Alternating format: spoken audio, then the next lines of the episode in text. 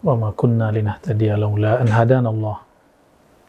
Amma ba'du, Allahumma salli wa sallim wa barik ala sayyidil muallimin, sayyidina Muhammad wa ala alihi wa ashabihi ajma'in. Nabi Muhammad itu menyebut dirinya muallim. Innama bu'istu mualliman.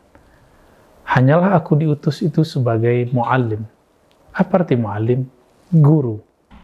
Muallim itu teacher, ustaz, kiai, dosen, tapi lebih spesial. Muallim ini memerankan seperti orang tua, orang tua spiritual, orang tua intelektual. Tidak hanya orang tua secara biologis. Orang tua itu, atau kita sebut guru, lebih mengenal kebaikan daripada anaknya yang masih kecil. Ketika anak yang masih kecil meminta motor, meminta kendaraan-kendaraan yang belum cukup secara uh, syarat-syarat untuk dia gunakan, maka orang tua mengatakan, tunggu. Ketika seorang guru melarang murid, seorang ayah melarang anak, bukanlah karena mereka benci kepada murid atau anak tersebut, tapi karena dia menyayangi anak tersebut. Sahabat-sahabat yang Allah, namun anak yang tidak mengerti tentang ayahnya, guru yang tidak mengerti apa maksud gurunya, akan mengatakan, ah ayahku jahat, ah papa jahat. Bukankah kita sering mendengar anak-anak kecil mengatakan begitu? Mama pelit. Kenapa mereka mengatakan itu? Karena mereka tidak mengetahui tujuan dari ayah mereka, tujuan dari guru mereka. Inilah yang terjadi. Kenapa ada orang-orang yang suul adab, yang adabnya buruk kepada guru-gurunya. Karena dia tidak faham maksud dari guru-gurunya. Tentunya guru yang kita maksud adalah guru yang al-wasil Allah, yang mereka berkoneksi kolbunya kepada Allah subhanahu wa ta'ala. Di dalam Al-Quran, ada isyarat-isyarat yang terkandung mengenai adab ini. Ketika ada surat Al-Kahf, surat ke-18, ayat 28, ada perintah untuk membersamai orang-orang yang menyeru Allah pada saat pagi dan petang. Mereka lah para guru, para mursyid, para wali. Tapi ada satu adab di situ, wala ta'du aina anhum. Jangan kamu, kalau kita terjemahkan dengan bahasa bebas, berprasangka kepada mereka. Kenapa? Karena engkau menginginkan zinatal hayati dunia, keinginan dunia. Jadi kenapa suatu komunitas spiritual, komunitas tarekatkah, mazhabkah, pergerakankah rusak? Karena di situ sudah ada kepentingan duniawi. Duniawi itu ada yang sifatnya materi, fulus, uang. Ada yang sifat imateri, popularitas. Sifatnya posisi, ingin menjadi pemimpin, pemimpin zawiyah, pemimpin tarekat, pengganti guru, terlalu terobsesi dan bernafsu menjadi pelanjut spiritual seorang guru. Ternyata inilah yang diisyaratkan dalam ayat ini. Maka ada dalam Al-Quran, masih di ayat yang sama, Allah mengatakan, wala tutya.